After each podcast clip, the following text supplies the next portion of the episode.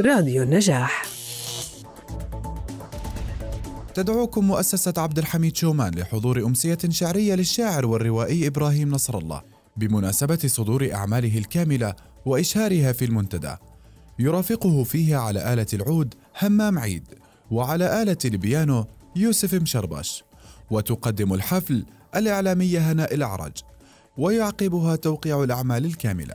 الدعوة عامة والحضور وجاهي في منتدى عبد الحميد شومان جبل عمان حيث سيتم بث الفعالية عبر منصة زوم وصفحة المؤسسة على فيسبوك واستقبال أسئلة الجمهور وذلك يوم الاثنين الموافق السابع عشر من كانون الثاني من الساعة السادسة ونصف إلى الساعة الثامنة.